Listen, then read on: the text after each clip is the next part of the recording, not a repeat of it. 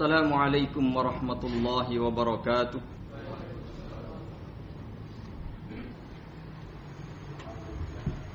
إن الحمد لله نحمده ونستعينه ونستغفره ونعوذ بالله من شرور أنفسنا ومن سيئات أعمالنا. من يهده الله فلا مضل له ومن يضلل فلا هادي له. وأشهد أن لا إله إلا الله وحده لا شريك له وأشهد أن محمدا عبده ورسوله. اللهم صل وسلم على نبينا محمد وعلى آله وأصحابه ومن تبعهم بإحسان إلى يوم الدين. أيها المسلمون أوصيني وإياكم بتقوى الله. فقد قال الله عز وجل يا أيها الذين آمنوا اتقوا الله حق تقاته ولا تموتن إلا وأنتم مسلمون.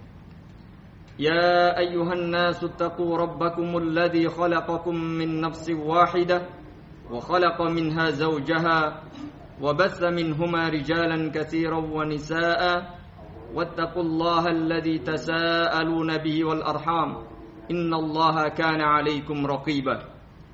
يا أيها الذين آمنوا اتقوا الله وقولوا قولا سديدا يصلح لكم أعمالكم ويغفر لكم ذنوبكم ومن يطع الله ورسوله فقد فاز فوزا عظيما. أما بعد فإن أصدق الحديث كتاب الله وخير الهدي هدي محمد صلى الله عليه وعلى آله وسلم وشر الأمور محدثاتها فإن كل محدثة بدعة وكل بدعة ضلالة وكل ضلالة في النار. Sidang jemaah Jumat yang berbahagia. Pertama kali Mari kita panjatkan puji syukur kehadirat Allah subhanahu wa ta'ala Atas segala limpahan kasih sayang Karunia, nikmat Dan berbagai pemberian yang amat sangat banyak dan luas Yang dilimpahkan kepada kita. Termasuk di antaranya adalah nikmat kesehatan Nikmat umur dan waktu luang Nikmat lebih daripada itu Islam dan iman Hidayah dan taufik yang Allah berikan kepada diri kita. Sehingga sampai saat ini kita masih bisa melakukan salah satu ibadah yang mulia. Menjalankan kewajiban menegakkan salat Jumat di masjid-masjid tempat dikumandangkan azan. Ya ayyuhalladzina amanu idza nudiya lis-salati min yaumil jumu'ati fas'au ila dzikrillah bersegeralah menuju zikir kepada Allah yaitu mendatangi salat Jumat wadarul baik dan tinggalkanlah jual beli dan segala bentuk kesibukan, segala pekerjaan dan urusan apapun. Tinggalkan dalam rangka memenuhi panggilan Allah Subhanahu wa taala supaya berzikir kepadanya, yaitu menegakkan salat Jumat. Alhamdulillah saat ini kita bisa berada di masjid yang mulia ini semata-mata karena karunia dan hidayah dari Allah Subhanahu wa taala.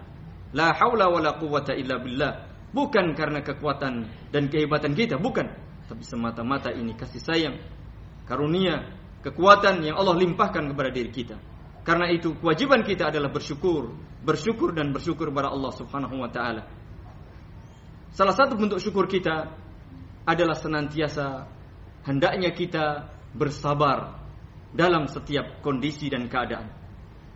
Allah Subhanahu wa taala berfirman, Ya ayyuhalladzina amanu sabiru wasabiru. Wahai orang-orang yang beriman, bersabarlah kalian. Wasabiru dan tetaplah bersabar. Bukan hanya sekali sabar, tapi selalu dan selalu tetap istiqamah, berkelanjutan, berkesinambungan sikap sabar kita dalam segala hal. Hidup ini tujuan utama kita diciptakan oleh Allah Subhanahu wa taala adalah beribadah kepadanya. Dan itu butuh kesabaran yang sangat-sangat besar dan terus-menerus. Ketika seseorang, barangkali di sini banyak mahasiswa, di awal-awal sebelum dia menempuh ujian harus mempunyai ijazah ketika di SMA barangkali atau sekolah menengah umum, dia rela menghabiskan seluruh waktunya atau bahkan hartanya untuk ambil kursus, untuk ambil les dan seterusnya dalam rangka meraih ijazah kelulusan yang maksimal sehingga nanti bisa diterima di universitas yang mereka inginkan. Begitu pula sudah masuk, mereka rela dijemur, mereka rela diperintah-perintah bahkan pada hal-hal yang tidak masuk akal ketika masuk masa orientasi. Bersabar mereka dalam rangka agar dirinya tetap diterima, agar dirinya tetap eksis di tempat yang mereka inginkan. Kalau kita sebagai seorang muslim menghendaki hidup kita ini bahagia, menghendaki hidup kita ini selamat di dunia dan di akhirat. Mestinya kita sudah mempersiapkan kesabaran berlipat ganda dalam rangka menghadapi berbagai macam tantangan, halangan dan rintangan dalam kehidupan dunia ini. Karena Allah pasti dan pasti akan mencoba kita. Liyabluwakum ayyukum ahsanu amala. Kita diciptakan supaya beribadah. Dan Allah sudah menyiapkan berbagai macam ujian bagi kita. Sabarkah kita ketika menerima perintah-perintah Allah Subhanahu wa taala yang barangkali semuanya atau ada sebagian yang tidak sesuai dengan keinginan kita. Termasuk ketika kita sedang sibuk bekerja, sibuk melayani pembeli, sibuk-sibuk atau saat-saat kita sedang mendapatkan banyak rezeki, kemudian diperintah supaya mendatangi azan panggilan azan, meninggalkan bisnis, meninggalkan kesibukan yang barangkali itu mendatangkan keuntungan duniawi. Sabarkah kita untuk seperti itu? Sabarkah kita untuk memutus waktu kita ketika asar tiba? Memutus pekerjaan kita mengingat Allah Subhanahu wa taala? Sabarkah kita ketika sibuk-sibuknya kita sedang pulang, baru pulang kemudian ada panggilan azan maghrib. Ketika mau istirahat, ada panggilan azan salat isya. Ketika sedang-sedang nyenyak-nyenyaknya tidur, kemudian kita dipanggil untuk menghadiri salat subuh. Sabarkah kita untuk melaksanakan perintah Allah? Termasuk di antaranya panggilan supaya kita nanti berkurban, menyembelih kurban lillahi taala. Sabarkah kita untuk mulai saat ini menyisihkan sebagian harta kita, meniatkan diri kita untuk berkurban? Begitu pula sabarkah kita selalu dan selalu menetapi kesabaran itu setiap saat dan di mana pun berada? Hidup ini butuh kesabaran setiap saat. Ketika seseorang ingin menggapai karir yang tinggi, dia rela bersabar, mungkin disuruh, mungkin menerima pekerjaan-pekerjaan yang sangat berat, harus lembur dan seterusnya demi menggapai karir yang tinggi, jabatan yang tinggi. Begitu pula seorang muslim. Dalam meniti mengarungi kehidupan dunia ini, sebagai salah satu bagian dari sekian dunia yang Allah ciptakan yang nanti kita akan mengakhiri di alam akhirat sebagai tujuan akhir kita. Bagaimana kita bersabar mengumpulkan bekal-bekal di dunia ini dengan banyak-banyak beribadah kepada Allah. Begitu pula kita sabar dalam menghindari berbagai macam kemaksiatan yang dilarang oleh Allah Subhanahu wa taala. Meskipun barangkali itu sesuai dengan keinginan hawa nafsu kita sabarkah kita untuk menghindari hal-hal seperti itu untuk meninggalkannya karena Allah Subhanahu wa taala lebih mencintai Allah dan Rasulnya daripada sekedar keinginan hawa nafsunya? Begitu pula, sabarkah kita ketika menghadapi hal-hal yang tidak sesuai dengan keinginan kita? Hal-hal yang membuat kita sedih, yang membuat kita sakit hati barangkali, atau musibah-musibah apapun yang membuat diri kita tidak senang. Tiga bentuk kesabaran ini harus kita punyai kalau kita tetap ingin menjadi seorang manusia yang selamat di dunia dan di akhirat. Karena seorang seorang muslim, seorang mukmin, tujuan utamanya adalah akhirat, bukan di dunia. Dan itu semuanya demi menggapai kebahagiaan ini kita butuh kesabaran. Disebutkan di dalam firman Allah Subhanahu wa taala, "Walanabluwannakum bisyai'in minal khaufi wal ju'i wa naqsim minal amwali wal anfusi was samarat." wabashiris sabirin. Sungguh Allah akan menguji kita semuanya dengan sedikit rasa takut, sedikit saja, tidak semuanya. Kemudian ada ke kelaparan, ada kekurangan harta, kemiskinan dan seterusnya. Ada orang-orang dekat kita yang meninggal dunia diambil oleh Allah Subhanahu wa taala, panen gagal dan semuanya. Ini semua merupakan ujian kesabaran bagi kita. Wabashiris sabirin namun Allah memberi kabar gembira bagi orang-orang yang sabar.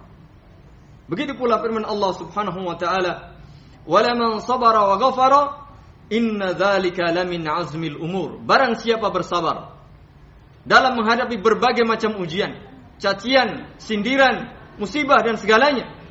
Hendaknya kita bersabar dalam rangka menegakkan ibadah kepada Allah Subhanahu wa taala. Wa ghafara dan menjadi orang yang pemaaf. Kalau kita mendapat gangguan dari orang lain, hendaknya kita bersabar dan pemaaf. Kalau kita sakiti orang lain, hendaknya bersabar dan pemaaf. Apalagi yang menyakiti saudara kita. Kalau seperti itu inna dzalika lamin azmil umur, sungguh perbuatan sabar dan menjadi pemaaf itu sungguh-sungguh hal-hal yang sangat ditekankan oleh Allah Subhanahu wa taala. Ajaran Islam di antaranya adalah ajaran kepada kita supaya bersabar, supaya menjadi orang yang legowo, orang yang memberi ampun dan maaf kepada sesama, khususnya kepada sesama saudara muslim. Begitu pula Allah Subhanahu wa taala berfirman, Innama yuwaffas sabiruna ajrahum bighairi hisab. Sesungguhnya hanya orang-orang yang sabarlah yang akan mendapatkan pahala tanpa hisab. Hanya orang-orang yang bersabar yang mendapatkan pahala tanpa hisab.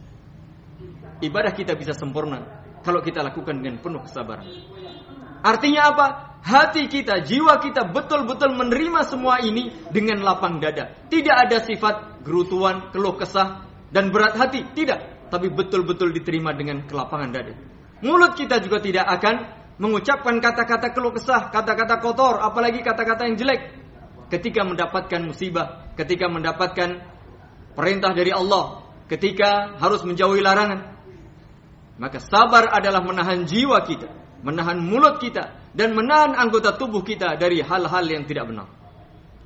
Diiringi dengan sikap lapang dada, penerimaan yang tulus, akan perintah Allah Subhanahu wa taala, akan larangan Allah Subhanahu wa taala dan akan takdir Allah Subhanahu wa taala yang tidak menyenangkan diri kita. Itulah sabar.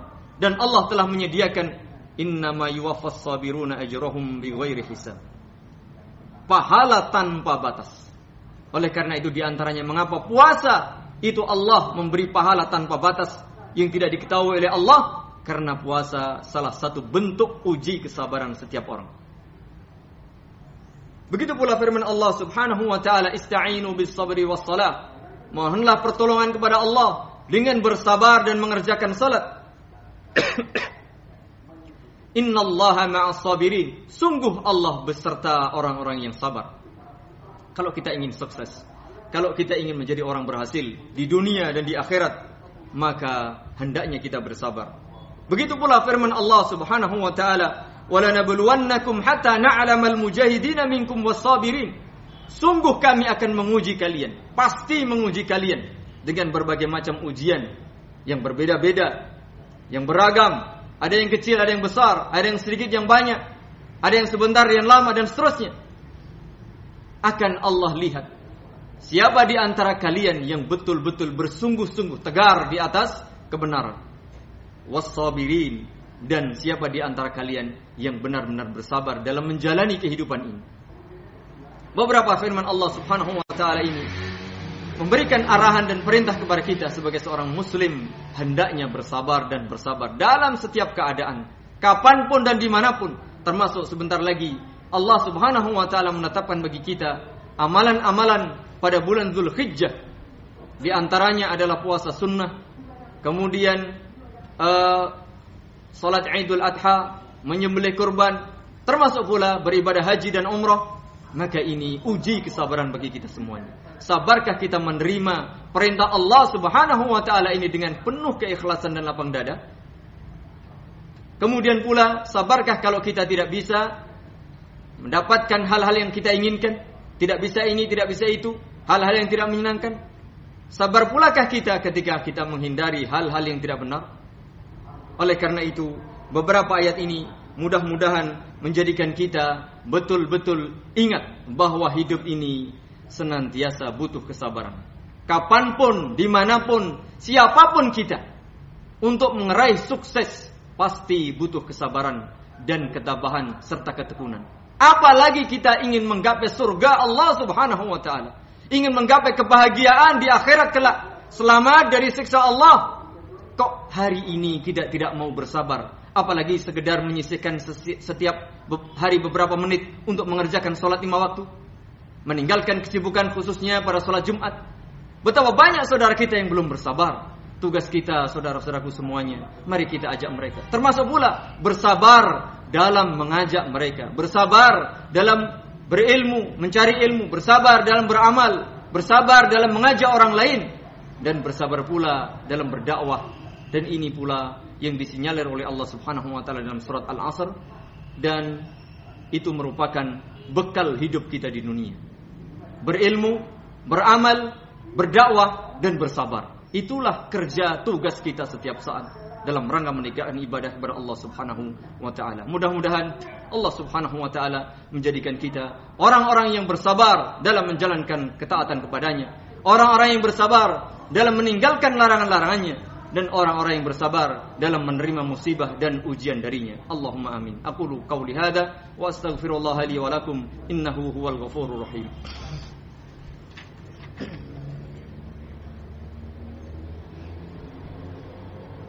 الحمد لله رب العالمين وبه نستعين على أمور الدنيا والدين والصلاة والسلام على أشرف الأنبياء والمرسلين وعلى آله وأصحابه ومن تبعهم بإحسان إلى يوم الدين وبعد جمع جمعة رحمني ورحمكم الله جميعا dalam sebuah hadis Rasulullah sallallahu alaihi wa ala alihi wasallam bersabda riwayat Imam Muslim dari sahabat Abu Yahya Suhaib bin Sinan radhiyallahu anhu beliau berkata ajaban li amril mu'min sungguh mengagumkan urusan setiap mukmin. Inna amrahu kullahu khairun. Sesungguhnya semua usaha, semua urusan, semua keadaannya lahu khairun adalah kebaikan bagi dirinya.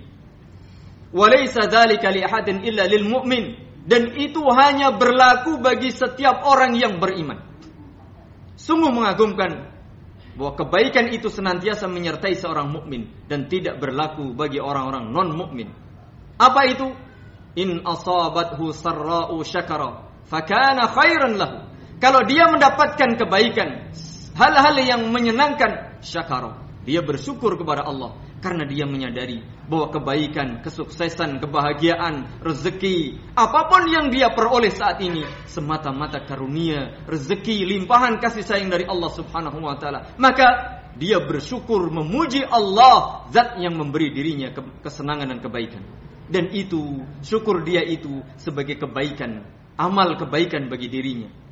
Sebaliknya wa in asabathu darra kalau dia mendapatkan segala hal yang tidak menyenangkan ini dan itu menyedihkan menyakitkan dan seterusnya maka dia sabar dia bersabar. Fakana khairan lahu maka kesabaran itu merupakan kebaikan bagi dirinya. Ibaratnya dua sisi kain mata uang setiap mukmin tidak mungkin terlepas dari dua sifat ini, sifat syukur dan sifat sabar. Kalau bersyukur, maka dia mendapatkan kebaikan karena syukurnya itu. Kalau bersabar, sungguh dia akan mendapatkan pahala yang besar atas kesabarannya itu. Maka saudara-saudaraku yang saya cintai dan saya muliakan, sebagai nasihat bagi diri saya dan bagi jamaah semuanya, mari kita senantiasa menyadari hal ini. Tugas berat kita sebagai umat manusia yaitu supaya beribadah kepadanya kepada Allah Subhanahu wa taala tentu amat sangat berat.